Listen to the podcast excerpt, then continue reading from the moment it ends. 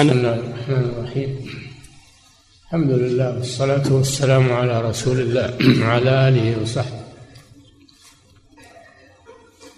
تقدم في الأحاديث بيان الماء الطهور الذي يزيل الحدث ويزيل النجاسة. وفي هذا الباب بيان متى تسلب عنه هذه الصفة وهي التطهير؟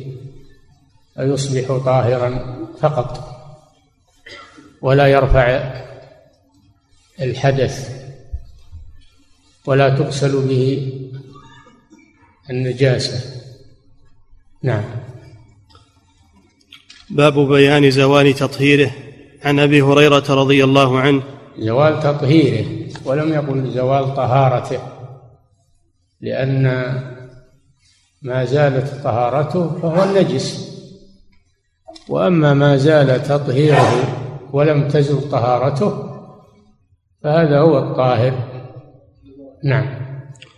عن أبي هريرة رضي الله عنه أن النبي صلى الله عليه وسلم قال لا يغتسلن أحدكم في الماء الدائم وهو جنب فقال فقالوا يا أبا هريرة كيف يفعل؟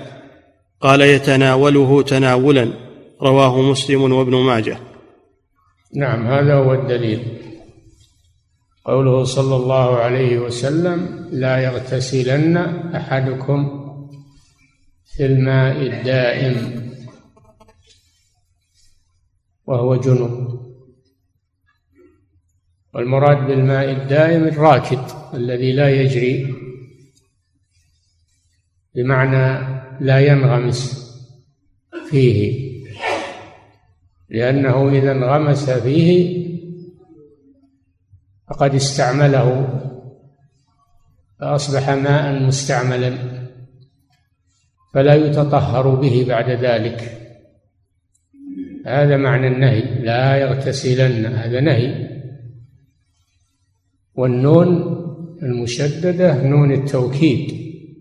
فدل على أنه لا يجوز للجنب الذي عليه جنابة أن ينغمس في الماء إذا كان دائما يعني لا يجري لأن هذا يفسد الماء. ويسلبه الطهورية فيصبح طاهرا فقط. وهذا ما يسمى بالماء المستعمل. هذا ما يفيده هذا الحديث. وقال بذلك جماعة من الأئمة من أهل العلم أخذوا بمدلول هذا الحديث. وهناك فريق يرون أن هذا لا يؤثر في الماء. لا يؤثر في الماء فالماء لا يزال طهورا مطهرا حتى يتنجس حتى تصيبه نجاسة تقع فيه كما يأتي.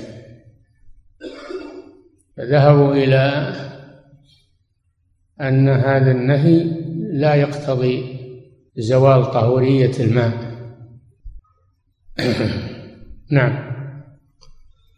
فقالوا يا أبا هريرة كيف يفعل؟ قال يتناوله تناولا رواه مسلم وابن ماجه. ولأحمد لما قال لا يغتسلن أحدكم في الماء الدائم سألوا الراوي أبا هريرة وكيف يفعل الإنسان؟ إذا ما كان عنده إلا ماء على هذه الصفة ماء دائم وهو عليه جنابة. أو حدث أصغر يريد أن يغتسل أو يتوضأ وليس عنده إلا ماء دائم في مكان. قال أجاب عن هذا السؤال بأنه يستخرج منه يغترف منه اغترافا يغترف منه اغترافا. فيصبح المستعمل هو المغترف. وأما ما بقي في مقره فهذا لا يؤثر فيه. الاغتراف لا يؤثر. فيغترف ويغتسل أو يتوضأ خارج الماء. نعم. ولأحمد وأبي داود لا يبولن أحدكم في الماء الدائم ولا يغتسل فيه من ولا يغتسل فيه من جنابة. نعم وهذه الرواية أضافت زيادة في النهي عن شيء آخر وهو البول. فلا يبول الإنسان في الماء المجتمع الماء الدائم الذي لا يجري لأن هذا أشد من الاغتسال به من الجنابة. هذا ينجسه ويقذره فالماء المجتمع والراكد لا يجوز التبول فيه. من باب أولى. نعم. ودل الحديث بمفهومه على أن الماء الذي يجري أنه لا يؤثر فيه. لا يؤثر فيه الاغتسال والانغماس فيه ولا يؤثر إذا بال فيه لأن البول يزول مع الجري ويأتي ماء جديد. إنما النهي عن الماء الذي لا يجري الماء الدائم. قد جاء في بعض الروايات الماء الدائم الذي لا يجري. نعم. وهذا النهي عن الغسل فيه يدل على أنه لا يصح ولا يجزئ. و... على يدل يقول المصنف رحمه الله وهذا النهي يدل على أنه لا يصح لا يصح تطهره به ولا يرفع جنابته ولا يجزي لأن هذا مفاد النهي. نعم. وهذا النهي عن الغسل فيه يدل على أنه لا يصح ولا يجزئ. لا يصح منه ذلك. الاغتسال ولا يجزيه بل يبقى عليه حدثه لأنه خالف النهي والنهي يقتضي الفساد. نعم. وما ذاك إلا لصيرورته مستعملا بأول جزء يلاقيه من المغتسل فيه. وما ذاك النهي إلا لصيرورة الماء مستعملا. للانغماس فيه. فإذا وقع فيه شيء من بدن من بدن المجنب فإنه فإنه يتغير من الطهور إلى الطاهر. نعم. ويصبح مستعملا. إلا لصيرورته مستعملا في رفع حدث. نعم. وهذا محمول على الذي لا يحمل النجاسة فأما ما هذا محمول على الماء القليل. الذي لو وقعت فيه نجاسة لا أفسدته.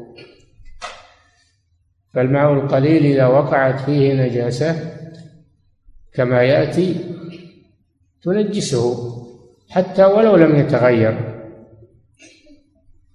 وأما الماء الكثير فهذا لا يؤثر فيه البول ولا يؤثر فيه الاغتسال لأنه كثير.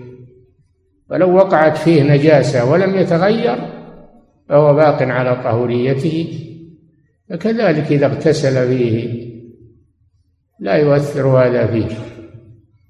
إنما هذا محمول على القليل. نعم. وهذا محمول على الذي لا يحمل النجاسة؟ فأما ما يحملها فالغسل فيه مجزئ فالحدث ومعنى يحمل النجاسة أي أن النجاسة لا تتأثر فيه يتحملها يتحملها ولا تؤثر فيه لكثرته ولا تظهر فيه آثار النجاسة. كالبئر مثلا و والجابهة الكبيرة الماء المستبحر. نعم. فأما ما يحملها فالغسل فيه مجزئ فالحدث لا يتعدى إليه حكمه من طريق الأولى. فأما ما يحملها فالغسل. اما ما يحمل النجاسة يعني يتحمل النجاسة ولا تؤثر فيه. وكذلك الاغتسال فيه لا يؤثر فيه من باب أولى. وهذا في الماء الكثير كالبرك الكبيرة والغدران. والجواب الكبيره نعم. فأما ما يحملها فالغسل فيه مجزئ فالحدث لا يتعدى إليه حكمه من طريق الأولى. أي نعم إذا كان الماء الكثير لا تؤثر فيه النجاسة لكثرته فالاغتسال فيه من باب أولى لا يؤثر فيه. نعم. وعن سفيان الثوري عن عبد الله بن محمد بن عقيل قال حدثتني الربيع بنت معوذ بن عفراء فذكر حديث وضوء النبي صلى الله عليه وسلم وفيه ومسح رأسه بما بقي من وضوئه في يديه مرتين بدأ بمؤخره ثم رده إلى ناصيته وغسل رجليه ثلاثا ثلاثا رواه أحمد. رواه أحمد وأبو داود مختصرا ولفظه أن رسول الله صلى الله عليه وسلم مسح رأسه من فضل ماء كان بيده. نعم. هذا يدل على أنه إذا كان يتوضأ وغسل وجهه فإنه لا يأخذ ماء جديدا لمسح الرأس. بل يمسح رأسه بما بقي من البلل في في يده ولا يكون هذا مستعملا. نعم أعد الحديث. وعن سفيان الثوري عن عبد الله بن محمد بن عقيل قال حدثتني الربيع بنت معوذ بن عفراء فذكر حديث وضوء النبي صلى الله عليه وسلم وفيه ومسح رأسه بما بقي من وضوئه في يديه مرتين. مسح رأسه بما بقي من البلل الذي بعد غسل بعد غسل مرفقيه بعد غسل يديه إلى المرفقين. اولا يغسل راس يغسل وجهه ثم يغسل يديه إلى المرفقين. إذا أراد أن يمسح رأسه فإنه لا يأخذ ماء جديدا وإن هكذا كان النبي صلى الله عليه وسلم يفعل وإنما يمسح رأسه بالبلل الباقي بعد غسل يديه. البلل الباقي بعد غسل يديه. لأن هذا الماء لم ينفصل عن يديه. لو انفصل صار مستعملا لكن ما دام أنه في اليدين فإنه لا يصير مستعملا. فلذلك مسح بهما رأسه فدل على أن المراد بالماء المستعمل هو من فصل من العضو. وأما ما دام الماء على العضو فإنه يطهر ويغتسل ويتطهر به. نعم.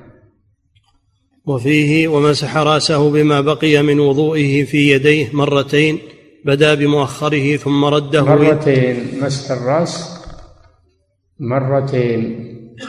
قوله تعالى وامسحوا برؤوسكم. وصفة المسح كما يأتي أنه يضع يديه مبلولتين بالماء على مقدم رأسه.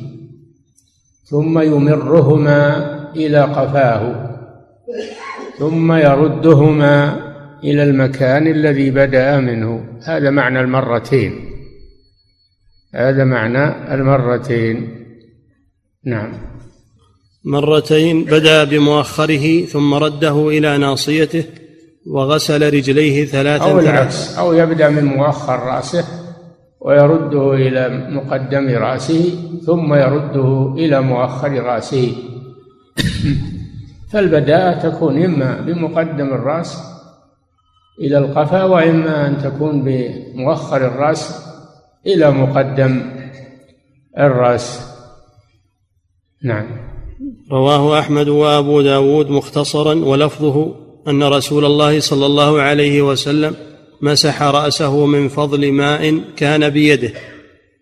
كما سبق مسح رأسه من فضل ماء كان في يده بعد غسل يديه إلى المرفقين ولم يأخذ ماء جديدا لمسح الرأس لأنه كما سبق أن الماء ما دام على العضو فإنه يجوز التطهر به أما إذا انفصل من العضو صار مستعملا. نعم. قال الترمذي عبد الله بن محمد بن عقيل صدوق ولكن تكلم فيه بعضهم من قبل حفظه. وقال البخاري كان أحمد وإسحاق والحميدي يحتجون بحديثه.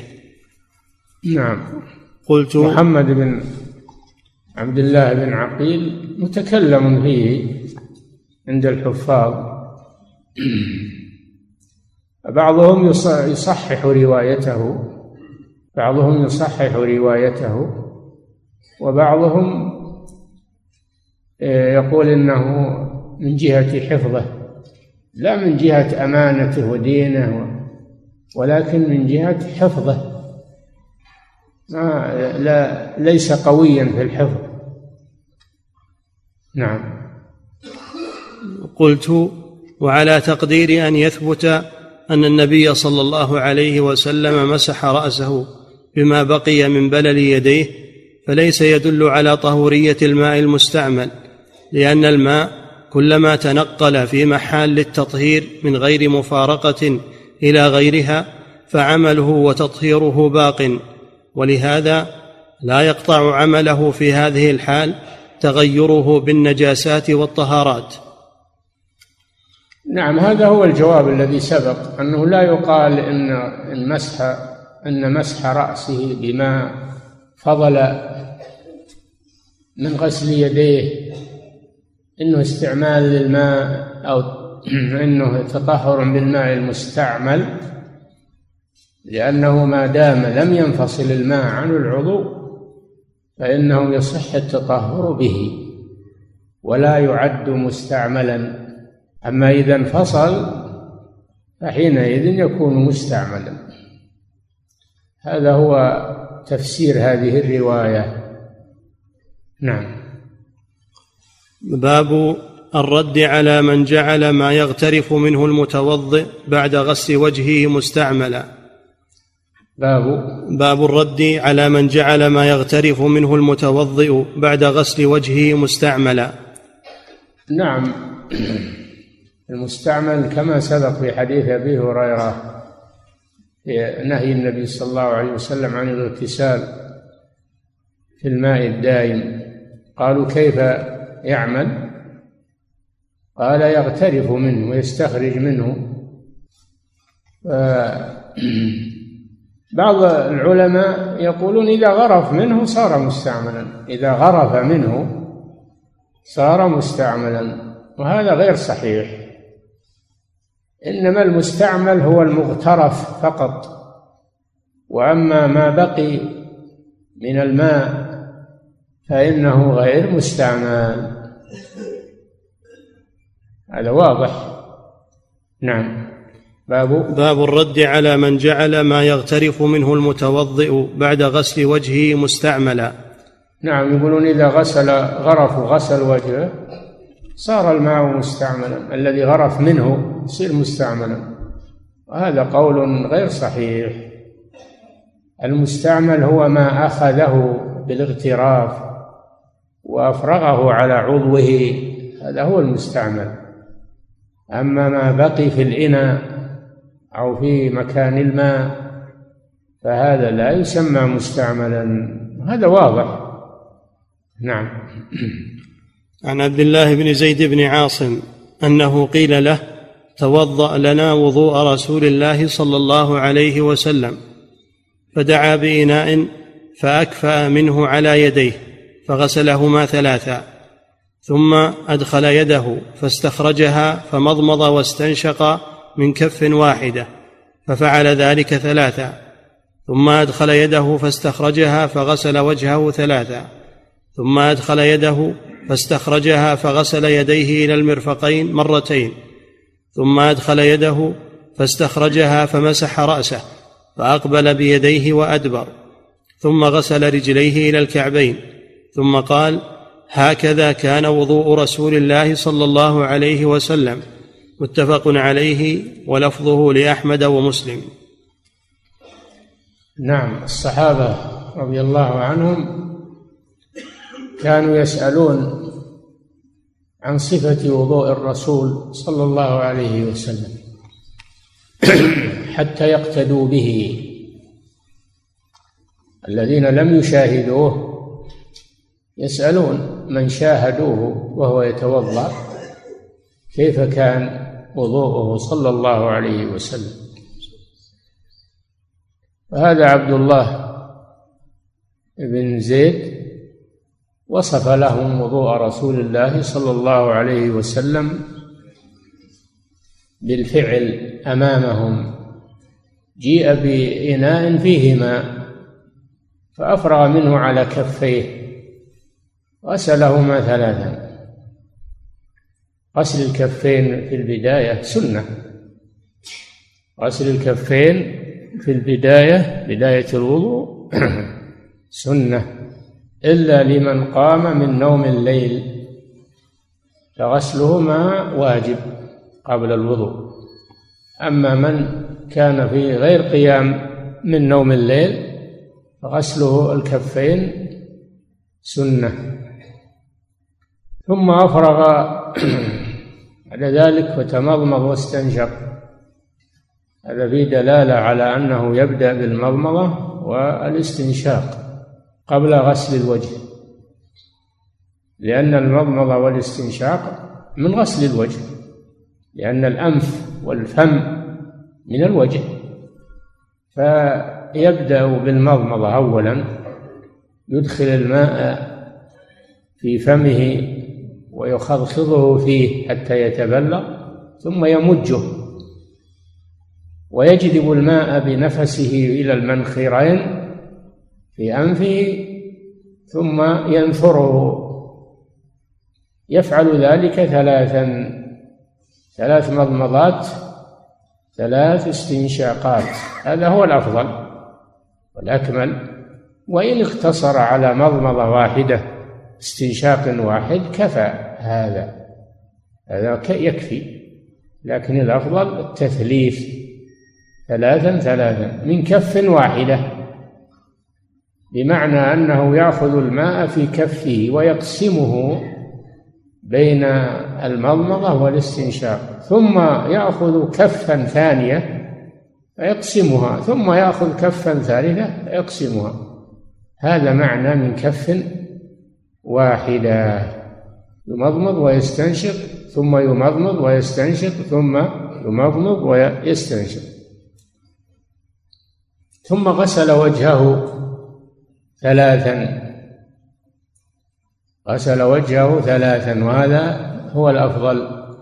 وإن اقتصر على واحدة كفى. ثم غسل يديه مرتين من إلى المرفقين. مرتين. الأفضل ثلاث مرات. وإذا اقتصر على مرتين لا بأس أو واحدة هذا أقل شيء. أقل شيء الواحدة وأكمل شيء الثلاث والمتوسط مرتين. دل على أنه ليس بلازم أنه يسوي بين الأعضاء في التثليث لأنه غسل وجهه ثلاثا وغسل يديه مرتين. دل على أنه ليس بواجب أنه إذا غسل وجهه ثلاثا أنه الباقي ثلاث ثلاث لا ما هو لازم لو تفاوت لو تفاوت الغسل في الأعضاء لا بأس. ثم مسح رأسه بعد غسل وجهه آه، بعد غسل يديه. غسل مسح رأسه. الرأس لا يغسل إنما يمسح. عملا بقوله تعالى وامسحوا برؤوسكم. فأقبل بيديه وأدبر كما سبق. ثم غسل رجليه مع الكعبين. هذه صفة وضوء الرسول صلى الله عليه وسلم وعلى هذا الترتيب.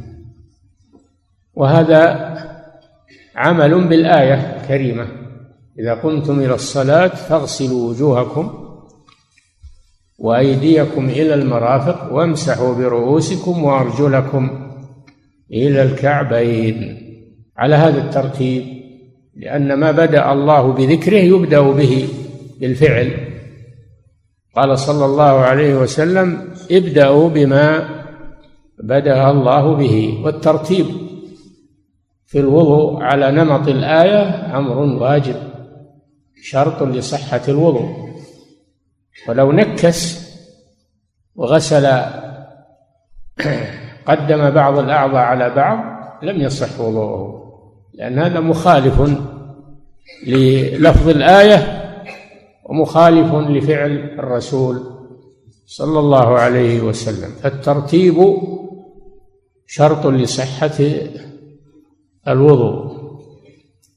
والشاهد من هذا أنه لا أن الماء المغترف أن الماء الباقي بعد الاغتراف أنه طهور. وإنما المستعمل هو المغترف فقط. فإذا جئت بإناء فيه ماء واغترفت منه توضيت أو اغتسلت وبقي شيء فهذا الباقي طهور. أنه غير مستعمل.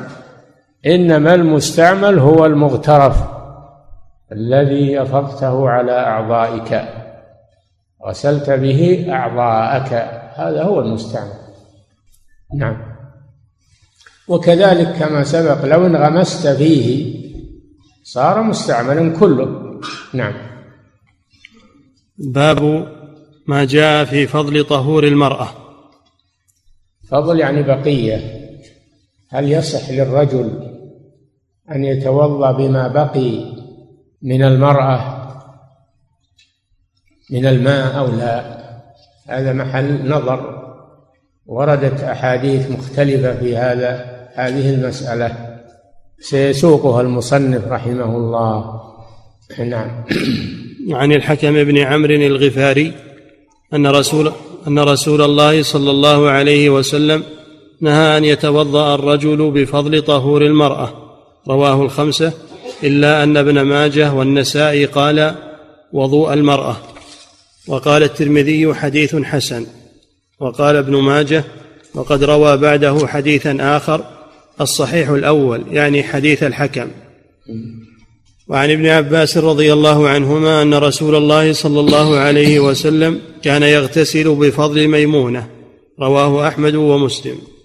وعن ابن عباس عن ميمونة رضي الله عنهم أن رسول الله صلى الله عليه وسلم توضأ بفضل غسلها من الجنابة. رواه أحمد وابن ماجه. وعن ابن عباس رضي الله عنهما قال اغتسل بعض أزواج النبي صلى الله عليه وسلم في جفنة فجاء النبي صلى الله عليه وسلم ليتوضأ منها أو يغتسل. فقالت له يا رسول الله إني كنت جنبا. فقال إن الماء لا يجنب. رواه أحمد وأبو داود والنسائي والترمذي وقال حديث حسن صحيح. قلت وأكثر أهل العلم على الرخصة للرجل من فضل طهور المرأة والأخبار بذلك أصح. وكرهه أحمد وإسحاق إذا خلت به وهو قول عبد الله ابن سرجس. وحملوا حديث ميمونة على أنها لم تخل به جمعا بينه وبين حديث الحكم. فأما غسل الرجل والمرأة ووضوءهما جميعا فلا اختلاف فيه. نعم هذه مسألة وهو يتطهر الرجل بما بقي بعد المرأة. أحاديث منعت من ذلك ونهى صلى الله عليه وسلم عن تطهر الرجل بفضل طهور المرأة.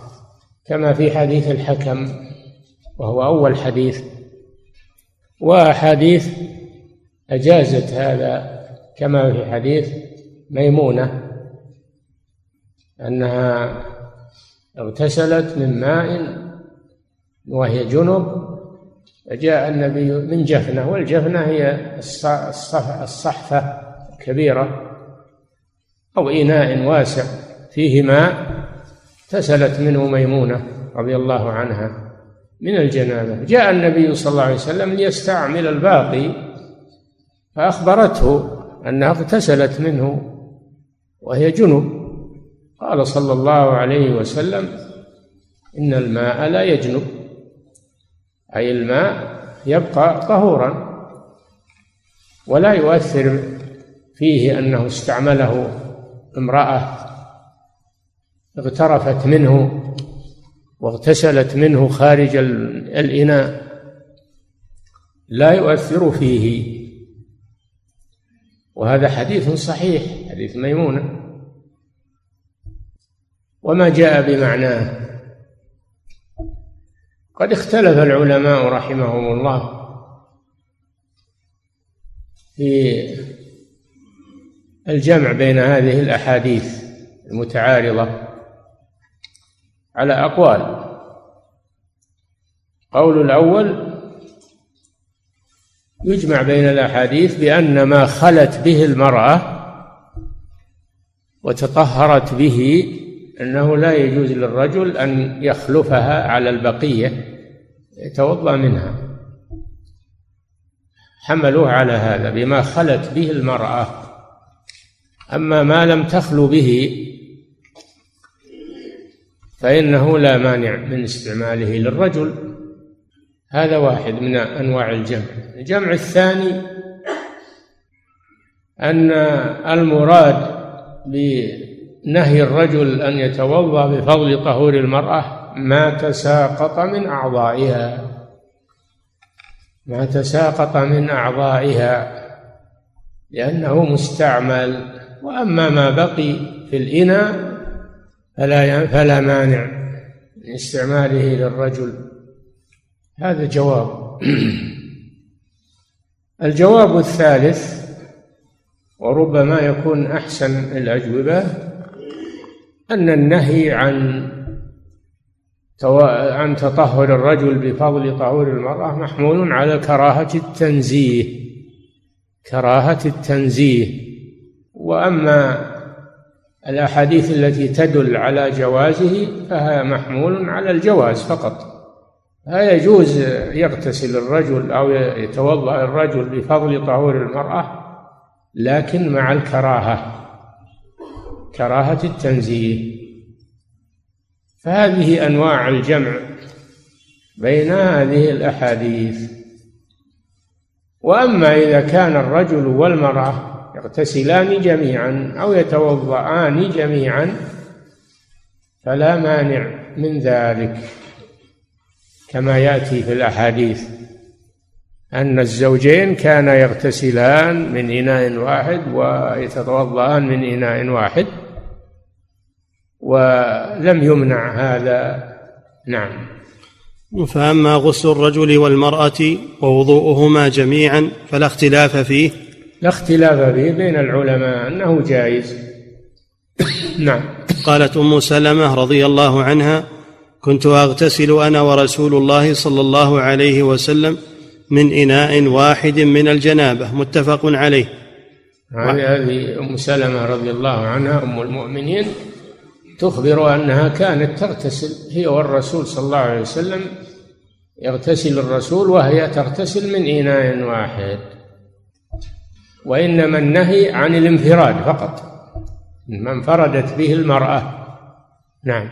وعن عائشة رضي الله عنها قالت كنت أغتسل أنا ورسول الله صلى الله عليه وسلم من إناء واحد تختلف أيدينا فيه من الجنابة. وهذا أيضا أم المؤمنين عائشة ذكرت مثل ما ذكرت أم سلمة أنها كانت تغتسل هي والرسول صلى الله عليه وسلم من إناء واحد. تختلف أيديهما فيه. حتى إنها تقول للرسول دعني دع لي يعني اترك لي شيء من الماء. وهو كذلك يقول لها دعي لي أي اتركي لي شيء من الماء. دل هذا على أنه لا بأس أن الزوجين يغتسلان جميعا أو يتوضأان جميعا من إناء واحد. نعم. متفق عليه وفي لفظ للبخاري من إناء واحد نغترف منه جميعا. نعم. ولمسلم من إناء بيني وبينه واحد فيبادرني حتى أقول دع لي دع لي وفي لفظ النساء من إناء واحد يبادرني وأبادره حتى يقول دع لي وأنا أقول, وأنا أقول دع لي نعم. كل هذا تصريح في أنه إذا كان الزوج مع زوجته يغتسلان أو يتوضأان من إناء واحد أن هذا لا بأس به لأنه ليس بينهما شيء محذور بين الزوجين. نعم. حتى يقول دعي لي وأنا أقول دع لي. باب حكم الماء إذا لاقته النجاسة. يكفي نقف على هذا.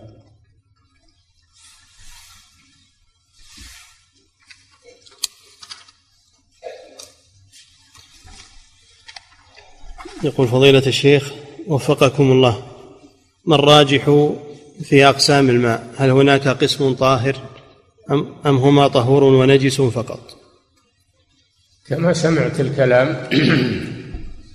أن هناك قسم طاهر وهو المستعمل الطهارة. هذا من أقسام الطاهر. نعم. يقول فضيلة الشيخ وفقكم الله إذا إذا كنت أتوضأ من إناء مملوء بالماء وتساقط عليه أثناء الوضوء بعض الماء فهل يصبح ماء مستعملا لا يجزئ؟ تساقط اليسير النقطة والنقطتان وما أشبه ذلك لا يضر. هذا لا يضر لأنه يصعب التحرز منه. إنما لو توضيت كل عضو ماؤه يذهب إلى الإناء يصب في الإناء هذا هو الممنوع. نعم. يقول فضيلة الشيخ وفقكم الله من قام من نوم من قام من نوم ليل فتوضأ وأدخل يديه في الإناء قبل أن يغسلهما وصلى هل يجب عليه إعادة الوضوء والصلاة علما أنه كان ناسيا؟ لا يجب عليه حتى لو تعمد ما يجب عليه إنما ترك واجبا يأثم. يأثم بتركه متعمدا وأما طهارته فهي صحيحة. نعم. يقول فضيلة الشيخ وفقكم الله. يقول هل يصح قبل ذلك يقول ألا يدل حديث وجوب غسل اليدين في القيام من النوم؟ ألا يدل حديث وجوب غسل اليدين عند القيام من من النوم؟ قبل الوضوء أنه إذا أدخل يديه قبل غسلهما أنه يسلب ذلك طهورية الماء. ما ما هو صريح هذا؟ ما هو صريح أنه يسلب طهورية الماء. لكن يكون خالف الأمر ويأثم بذلك. وإلا فالماء طهور. نعم. يقول فضيلة الشيخ وفقكم الله يقول ما معنى خلت به المرأة؟ فما كيفية الخلوة بالماء؟ ما يراها أحد. كيفية الخلوة أنها تكون في مكان لا يراها أحد. نعم. يقول فضيلة الشيخ وفقكم الله بعض المحدثين حكموا بشذوذ حديث ومسح رأسه بما بقي من وضوء يديه وأن الثابت أنه صلى الله عليه وسلم مسح أذنيه بفضل ما بقي من مسح رأسه. فما تعليقكم على نعم هذا؟ هذا قول لبعض العلماء هذا قول لبعض العلماء توجيه لبعض العلماء. هو مذكور بلا شك. نعم. يقول فضيلة الشيخ وفقكم الله يقول هل يقال إن رسول الله صلى الله عليه وسلم فعل فعلا مكروها بوضوئه من فضل ميمونة على القول بكراهة التنزيه؟ في حقه صلى الله عليه وسلم لا يكون مكروها لأنه للبيان. إذا فعله للبيان بيان الجواز فليس مكروها في حقه صلى الله عليه وسلم. نعم. يقول فضيلة الشيخ وفقكم الله هل مسح الرأس بما بقي من وضوء اليدين يعد سنة أم يجوز للحاجة فقط؟ ما في شك أن الأحوط أنه يأخذ ماء جديدا. لمسح رأسه. هذا هو الأحوط. لكن لو ما أخذوا وعمل بالحديث وضوءه صحيح إن شاء الله. نعم. يقول فضيلة الشيخ وفقكم الله هل يجوز الزيادة على الثلاث عند الوضوء؟ وهل لا ما يجوز هذا بدعة. الزيادة على الثلاث بدعة لا تجوز. نعم. يقول فضيلة الشيخ وفقكم الله هل غسل الوجه ثلاث غسلات يكون بثلاث غرفات أو بغرفة واحدة؟ إذا قسمت الغرفة تمكنت من قسمها ثلاث مرات ما يخالف. المهم من كل غسلة تكون بماء ما تكون مسح. نعم. يقول فضيلة الشيخ وفقكم الله هل صفة غسل اليدين إلى المرفقين أن يقبل من اليدين إلى المرفقين ثم يدبر فتكون واحدة وهكذا يفعل ثلاثة أم أن الإقبال واحدة والإدبار والإدبار واحدة؟ لا الغسل يعم اليدين من الأصابع إلى المرافق. يعم. هذه غسلة. ثم يعمهما المرة الثانية ثم يعمهما المرة الثالثة. نعم. يقول فضيلة الشيخ وفقكم الله في حديث عبد الله بن زيد بن عاصم رضي الله عنه عن صفة وضوء النبي صلى الله عليه وسلم قال في البداية فدعا بإناء فأكفأ منه على يديه ثم قال في باقي الحديث ثم أدخل يديه فاستخرجها فهل في هذا فائدة معينة؟ نعم. ما يغمس يديه. ما يغمس يديه وهي لم تغسل. هذا في البداية. أما إذا غسل يديه يغمسها بعد ذلك. لا بأس. نعم. يقول فضيلة الشيخ وفقكم الله هل يجزئ المسح على الخفين بعد مسح الرأس مما تبقى من غسل أو مما تبقى في اليدين؟ لا هذا شيء لم يرد. يأخذ بللا جديدا لمسح الخفين نعم يقول فضيلة الشيخ وفقكم الله يقول هل تعتبر المسافة بين مدينة الرياض وبين الخرج وبين مدينة الخرج تعد مسافة قصر؟ في الأول كانت مسافة قصر لكن الآن لما تقارب البنيان امتد البنيان من البلدين ما بقي بينهما مسافة قصر. نعم. يقول فضيلة الشيخ وفقكم الله هل من لامس ملابس طفل كانت مبلولة بالبول يكون عليه إعادة الصلاة؟ هل؟ هل من لامس ملابس طفل مبلولة بالبول يكون عليه إعادة الصلاة؟ نعم إذا لمس النجاسة الرطبة بول أو غيره إذا لمس نجاسة رطبة فإنه يتنجس العضو الذي لمس به. فلا بد من غسل النجاسة.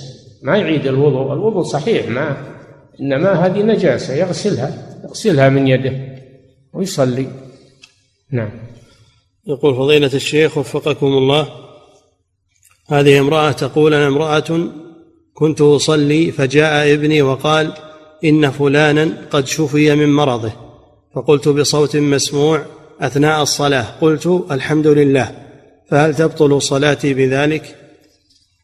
خلاف بين العلماء والصحيح أنها إذا لم تتعمد إذا قالته ناسية ولم تتعمد أن صلاتها صحيحة إن شاء الله. أما إذا تعمدت فلا شك أنها تبطل الصلاة بتعمد الكلام. نعم.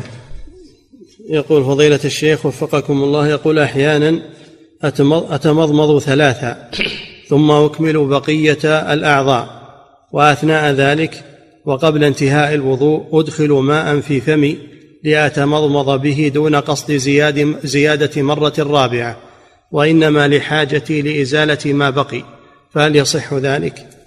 إذا لم تنويها للطهارة وإنما تريدها للتنظيف تريدها للتنظيف فلا بأس. أما إذا نويتها للطهارة هذا لا يصح. نعم. يقول فضيلة الشيخ وفقكم الله قيام الليل هل يجوز أن يقسم إلى قسمين؟ فتكون صلاة في أول الليل وصلاة في آخره. طيب. كل الليل وقت للصلاة أوله وآخره ووسطه. قسمتها جمعتها ما يخالف.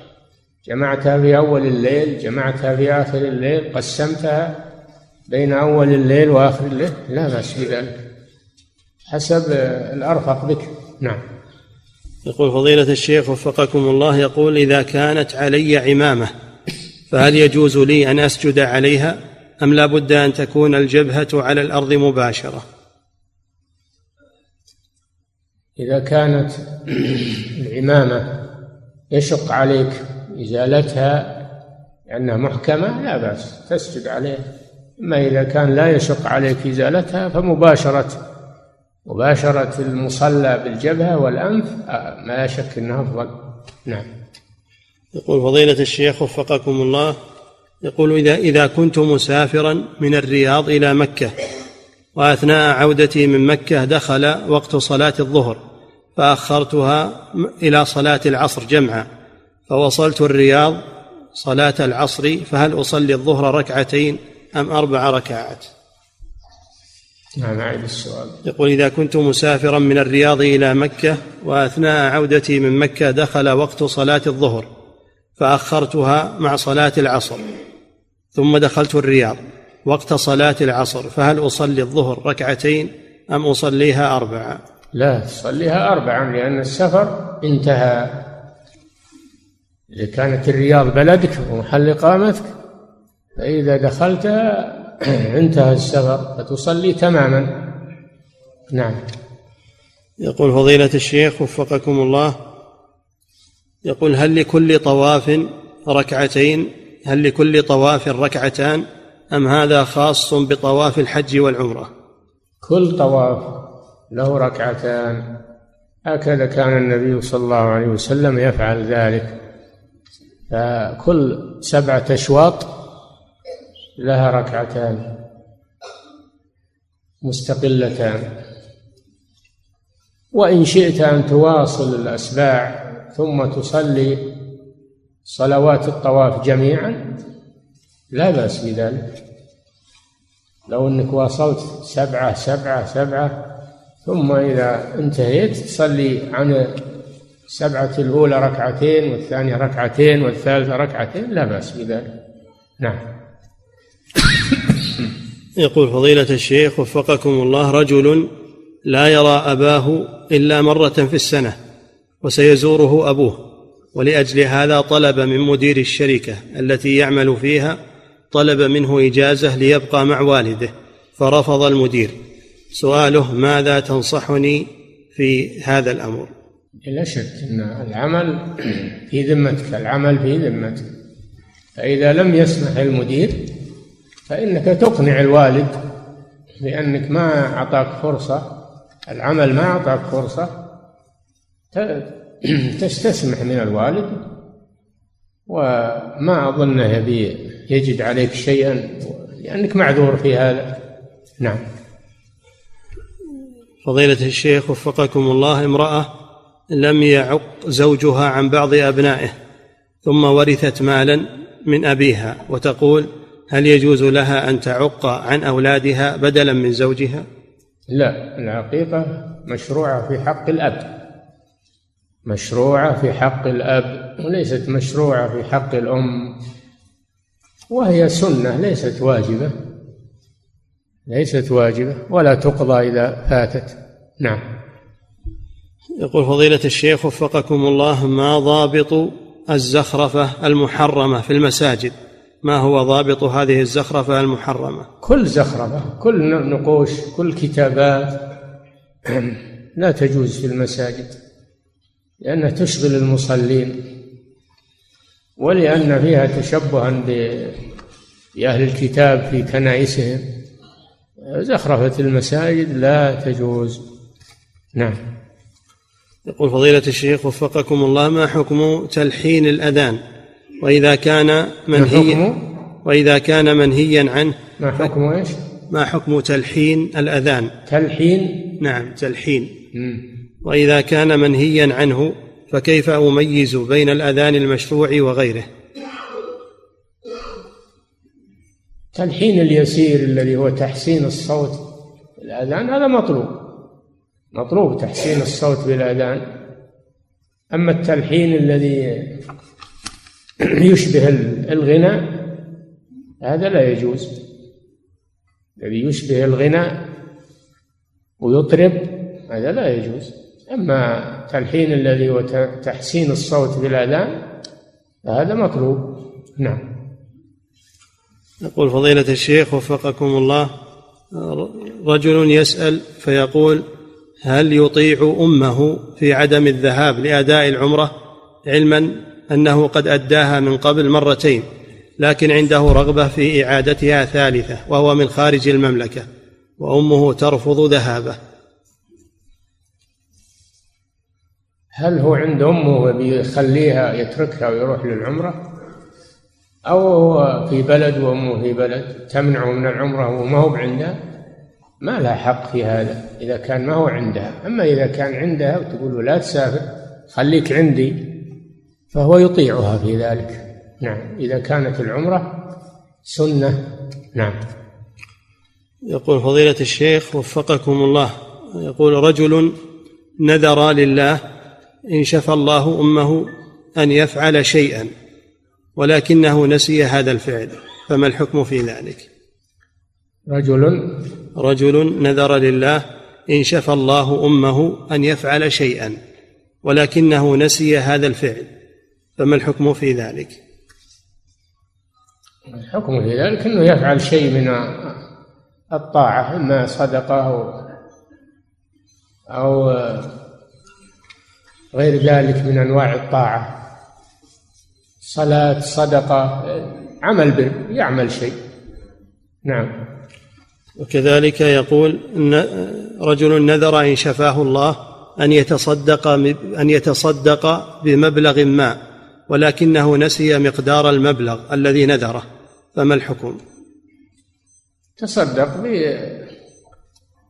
بما يغلب على ظنه ما يغلب على ظنه. وبما ينفع أيضا مبلغ ينفع.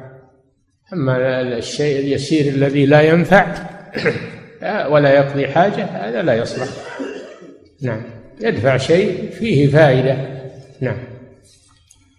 يقول فضيلة الشيخ وفقكم الله يقول فك الخيوط أو الحبال اللي يقول التي على كفن الميت عند إدخاله في اللحد. هل هذا بدعة؟ هل هذا؟ بدعة؟ لا هذا السنة. السنة أن الميت إذا وضع في لحده أنها تحل العصائب للتوسعة عليه. تحل العصائب للتوسعة عليه. ولا تبقى مربوطة. نعم لأن هذا يضيق على الميت. نعم. يقول فضيلة الشيخ وفقكم الله يقول هل يجوز للمرأة والرجل أو للزوج والزوجة أن يغتسلا في الحش عريانا مع بعضهما البعض؟ هل يجوز للزوج وزوجته أن يغتسلا في الحش عريان؟ نعم. الحش ما هو يغتسل به نجاسة لكن قصده في دورة المياه الحمام ما في مانع. الزوج وزوجته ما في مانع. نعم. يقول فضيلة الشيخ وفقكم الله إذا اغتسل الرجل للجنابة فهل يسقط عنه الوضوء؟ حسب النية إذا نوى دخول الوضوء مع الغسل فله ما نوى. قوله صلى الله عليه وسلم إنما الأعمال بالنيات وإنما لكل امرئ ما نوى. تدخل الطهارة الصغرى بالطهارة الكبرى ويعمم بدنه بالماء عن الحدثين. ولكن الأفضل ما كان يفعله الرسول صلى الله عليه وسلم أنه يتوضأ اولا ثم يغتسل. نعم. يقول فضيلة الشيخ وفقكم الله العاجز عن استعمال الماء لمرض فوضع ترابا في إناء ويستعمله عند الصلاة فهل له أن يستعمله في كل مرة أم لا بد أن يغير التراب كالماء لأنه يكون مستعملا؟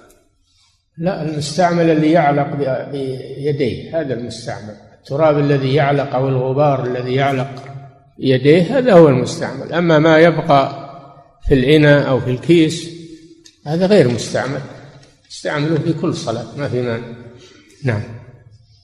يقول فضيلة الشيخ وفقكم الله قراءة هذه الآية إن الصفا والمروة من شعائر الله هل لا بد من تكرار هذه الآية عند الصفا والمروة؟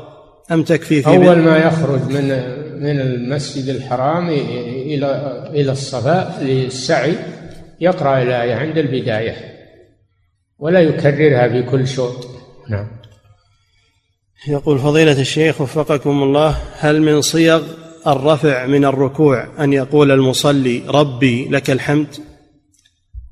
يقول ربنا هذا الوارد. يجوز يقول ربي لكن الوارد أفضل. يقول ربنا يجي ذكر الجمع. نعم. يقول فضيلة الشيخ وفقكم الله ما الراجح في مسألة مسح الرأس؟ هل هو الإقبال والإدبار أم يكفي أن يمسح من مقدم رأسه إلى قفاه دون رد؟ لا ما يكفي. ما يكفي. لابد من إمرار اليدين على الرأس مرتين ذهابا و... وإيابا إقبالا وإدبارا. نعم. يقول فضيلة الشيخ وفقكم الله من سافر ولا يعلم كم سيجلس في المدينة التي سافر إليها فهل له أن يقصر الصلاة؟ إذا كان لم يحدد الإقامة فإنه يقصر الصلاة. إذا كان لا لم يحدد الإقامة وإنما يحتمل أن يسافر اليوم أو بكرة أو بعد عشرة أيام أو بعد يومين فهذا يقصر الصلاة. لأنه ما, ما انقطع السفر في حقه. نعم. فضيلة الشيخ وفقكم الله صاحب محل لبيع الأسماك يقول نلزم من قبل البلدية المسؤولة عن الحي في محلات اللحوم والأسماك بوضع الجهاز الكهربائي الذي يقوم بقتل الذباب والحشرات بواسطة الصعق. وإذا لم نفعل فإننا نحصل على غرامة مالية. فما حكم هذا الجهاز وما العمل تجاهه إذا كان هذا من باب الضرورة وملزمون به فلا بأس بذلك نعم يقول فضيلة الشيخ وفقكم الله الوضوء المسنون هل يجوز للإنسان أن يصلي به فريضة؟ نعم الوضوء المسنون هل يجوز للإنسان أن يصلي به فريضة؟ ما دام لم ينتقض وضوءه بنواقض الوضوء لم ينتقض وضوءه فيصلي بالوضوء الأول. أما التجديد هذا إنما هو لزيادة طهارة ويسمى التجديد ما يسمى وضوء تجديد الوضوء. ما دام إنه لم ينتقض وضوءه الأول يصلي سواء جدد أو لم يجدد. نعم. يقول فضيلة الشيخ وفقكم الله إذا عطس شخص في الصلاة فهل يجوز له أن يقول الحمد لله؟ نعم يقول ولكن ما يرفع صوته بذلك. قوله بينه وبين نفسه. نعم. يقول فضيلة الشيخ وفقكم الله هل يجوز للإنسان أن يشرب من كاسات من كريستال غالية الثمن كأن يكون سعر الكاس ألف ريال مثلا؟ إسراف هذا من باب الإسراف إن كان يبي يتركه لأن فيه إسراف فهو أحسن. نعم.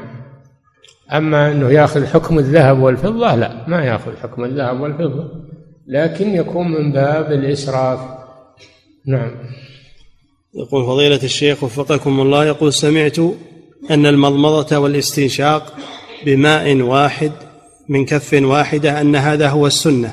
وأن الفصل بينهما بدعة فهل هذا صحيح؟ لا ما هو صحيح ما هو بدعة. هذا ما هو بدعة.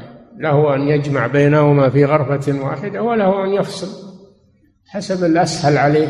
ما كل الناس يعرفون الجمع بين المضمضة والاستنشاق بكف واحدة. فلا بأس بذلك. الأمر واسع ولله الحمد. أما يقول بدعة لا أو بدعة. نعم. يقول فضيلة الشيخ وفقكم الله يقول في حينا محل لبيع الأغذية والذي يعمل فيه أصحاب ديانة هندوسية ويعملون يقول في حينا محل لبيع الأغذية والذي يبيع فيه عمالة أصحاب ديانة هندوسية ويعملون لصالحهم. السؤال هل ترى يا فضيلة الشيخ مقاطعتهم وعدم الشراء منهم منهم بنية إضعافهم حيث إنهم يحاربون أهل السنة في بلادهم؟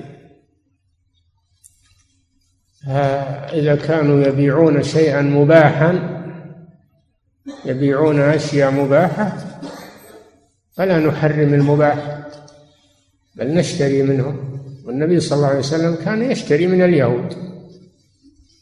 الصحابة يتعاملون مع المشركين ومع التعامل التجاري يا أخوان ما في مانع مع الكفار ومع المسلمين مع التعامل التجاري في المباحات والمداينة لا بأس. نعم. يقول فضيلة الشيخ وفقكم الله أحد الإخوان عند وداعه يكثر من طلب السماح والعفو من الشخص.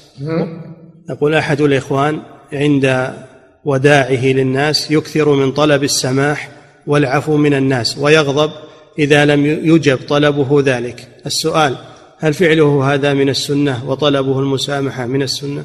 طلب المسامحة طيب. تطلب من أخيك المسامحة خصوصا إذا أردت تسافر وإلا تتغيب هذا شيء طيب. أما أنك تغضب هذا لا لا يجوز لك تغضب. ليش تغضب؟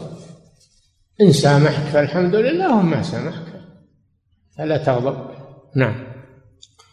يقول فضيلة الشيخ وفقكم الله يقول أنا إمام مسجد ويصلي أحد جماعة المسجد في طرف الصف الأول ويبقى بينه وبين الصف مكان عشرة رجال وأحيانا نصلي ركعة أو ركعتين ولم يتصل الصف بيننا وبينه وقد نصحته مرارا فلم يستجب فهل تصح صلاته؟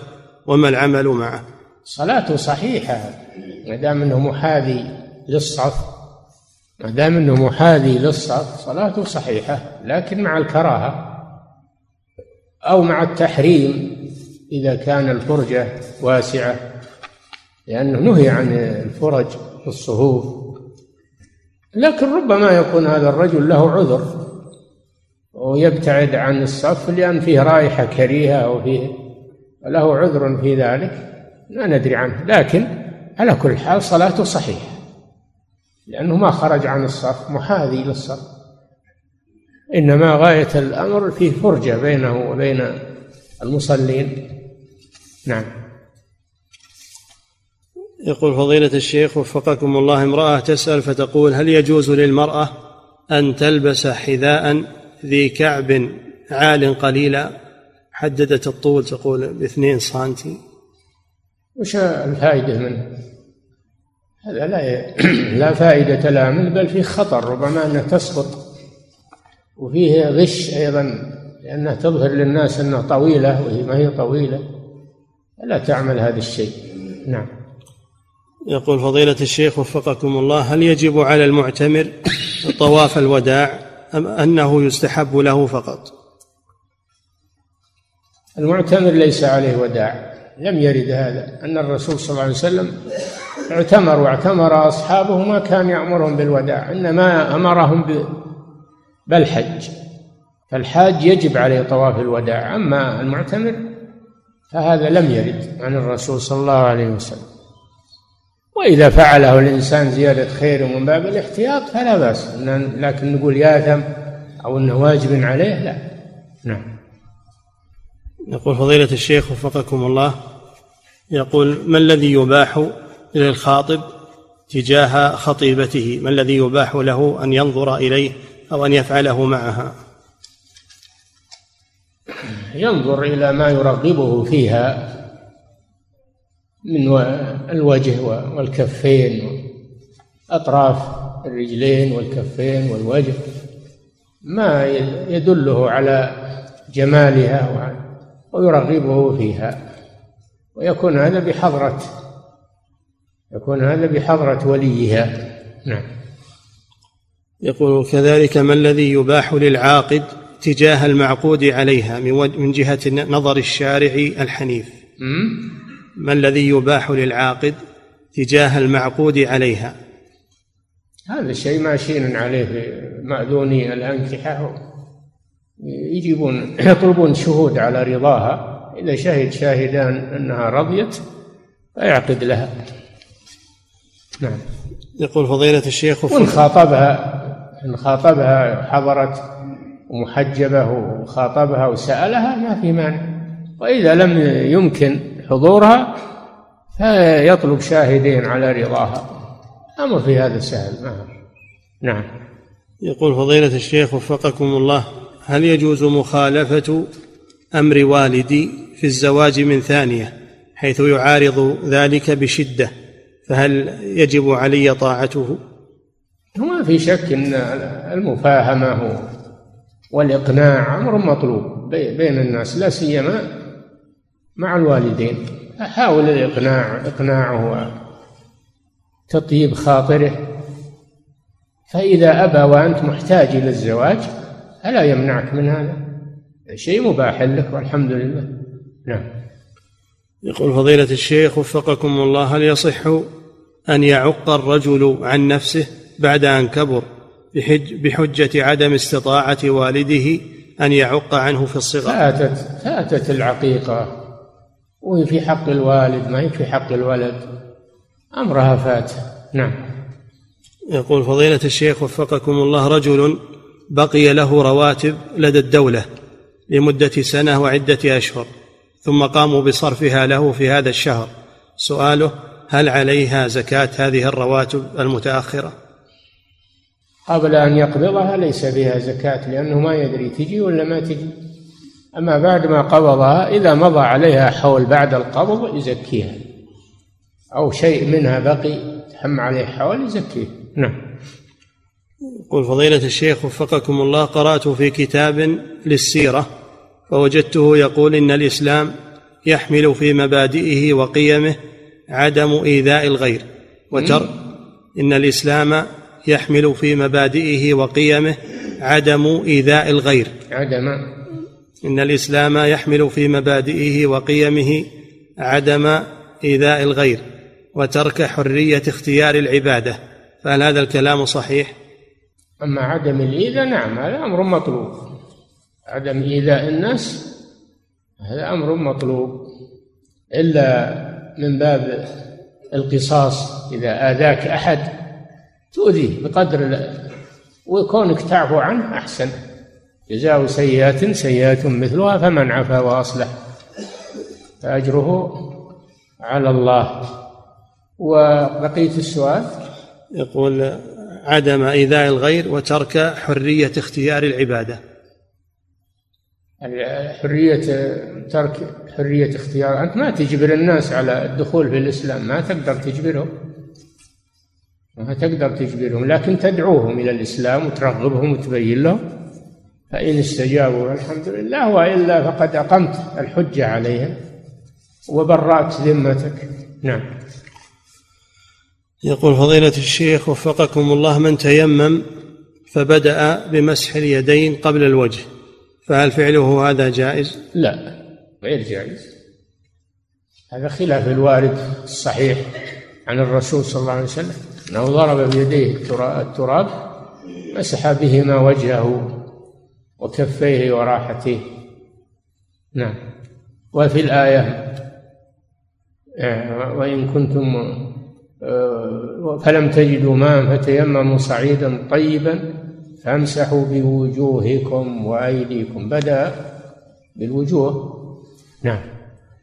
يقول فضيلة الشيخ وفقكم الله رجل أحرم من عند باب الحرم ثم طاف فقط وحل إحرامه فماذا يجب عليه علم؟ إيش أحرم به؟ أقول إيش أحرم به؟ بس طواف. الطواف ما يحتاج إحرام. الطواف لا يحتاج إحراما. ثم باب الحرم ما هو محل للإحرام؟ إلا للحج. الحج يحرم من مكة لكن العمرة لا. لابد من الحل يحرم بها من الحل. نعم. يقول فضيلة الشيخ وفقكم الله من صلى خلف مقيم وهو مسافر صلى صلاة تامة ثم حدث أمر يوجب إعادة الصلاة فهل يعيدها تامة أو مقصورة؟ لا وجبت عليه تامة فيقضيها تامة. وجبت عليه تامة بسبب صلاته خلف من يتم فإذا أراد أن يقضيها يقضيها تامة. نعم. يقول فضيلة الشيخ وفقكم الله بعض من الشباب هداهم الله يعجبون بلعب بعض اللاعبين الكفار. مع عدم إعجابهم بدينهم فهل يعتبر ذلك من الموالاة المحرمة؟ إيش يقول؟ يقول بعض الشباب هداهم الله يعجبون بلعب أو بعض لعب نعم أو لعب بلعب بعض اللاعبين الكفار مع عدم إعجابهم بدينهم فهل يعتبر ذلك من الموالاة المحرمة؟ أولا اللعب وش محل العجب من اللعب اللعب مذموم. ما جاء اللعب في القرآن إلا وهو مذموم. فما الذي يعجب في اللعب؟ إعجابه باللعب حتى ولو كان من مسلمين. لا يعجب بلعب المسلمين لأن اللعب ضياع للوقت. لكن إن كان قصده الرياضة الرياضة البدنية هذا هذه رياضة ما تسمى لعب تسمى رياضة. تقوية الأعضاء تقوية ال... هذه تسمى بالرياضة البدنية وهي مباحة مطلوبة لكن لا يعجب بها. ما يعجب بها؟ نعم. يقول فضيلة الشيخ وفقكم الله إذا كان الشخص جنوبا صباح الجمعة فهل عليه أن يغتسل للجنابة ثم يغتسل للجمعة؟ يقول إذا كان الشخص جنوبا صباح الجمعة فهل عليه أن يغتسل للجنابة ثم يغتسل للجمعة مرة ثانية؟ لا يغتسل غسلا واحدا للاثنين للجنابة والجمعة. ولا يغتسل غسلين نعم. يقول فضيلة الشيخ وفقكم الله ما حكم ألعاب الأطفال التي على شكل مجسمات كحيوانات أو كإنسان؟ وما جواب من حرم ذلك بما ورد من حديث عائشة أنها كانت تصنع بنات من العهن. من العهن. أو من العهن. من العهن والصوف نعم. الصور المجسمة حرام على الكبار والصغار. الصور المجسمة لذوات الأرواح. محرمة الكبار وللصغار. لعموم الأحاديث. ولعن المصورين والنهي عن استعمال الصور. وأما لعب عائشة ما كانت صور مجسمة لا منحوتة ولا مرسومة وإنما هي عبارة عن عيدان تربط بعضها ببعض وتضع عليها شيء من من الصوف من العهن يعني من الصوف. هي ليست صورا ليست صورا إنما هي عيدان مربوطة ويوضع عليها شيء من الصوف وليس فيها وجه وليس فيها شيء من الخلقة. نعم. يقول فضيلة الشيخ وفقكم الله كثير من الناس لا يتمكن من بناء مسجد بكامل نفقاته ويحب ويحب أن يشارك بشيء يسير ولكن يرفض بعض المحسنين أن يشاركه أحد من الناس في بنائه للمسجد. فما الرأي في ذلك؟ مساجد كثيرة أو لازم مسجد واحد. إذا رفض القائم على المسجد يبيه خالص لنفقته هو فلا تضايقه. اذهب إلى مسجد آخر. نعم. يقول فضيلة الشيخ وفقكم الله امرأة في حاجبها شعرة بيضاء فهل يجوز لها أن تقصها؟ لا لكن تصبغها بما يزيل البياض. تصبغها بما يزيل البياض غير السواد الخالص. نعم. يقول فضيلة الشيخ وفقكم الله ما حكم صلاة من ينشئ صفا جديدا مع أن الصف الأخير لم يكتمل بعد؟ الصف الأخير؟ أو الأول قصدي. الصف كاتب الصف الأخير. ما يبدأ صف جديد إلا إذا كمل الصف الأول. ما يوجد صف جديد إلا إذا كمل الصف الأول. نعم. يقول فضيلة الشيخ وفقكم الله هل يجوز للشخص أن يتقدم لطلب الإمامة أو لطلب المأذنة من أجل المنزل الذي يكون للإمام أو للمؤذن؟ ليس له إلا المنزل ما الهجر هذا. إذا كان قصده المنزل أو الراتب فهو ما له إلا ما قصد. إنما الأعمال بالنيات. إنما لكل امرئ ما نوى. إذا كان ما له رغبة في الإمامة طاعة لله أو في, أو في الأذان يريد الطاعة ويستعين بما يعطى أو بما يسكن. استعانة ما هي مقصودة تابعة. فلا بأس بذلك. أما أن تكون هي المقصودة بالأصل والأذان تابع لها هذا لا يجوز. نعم. يقول فضيلة الشيخ وفقكم الله هل الصلاة لا تجوز خلف مجهول الحال؟ هل؟ هل الصلاة لا تجوز خلف مجهول الحال. الأصل في المسلم العدالة فإذا وجدت الناس يصلون صل معهم والحمد لله.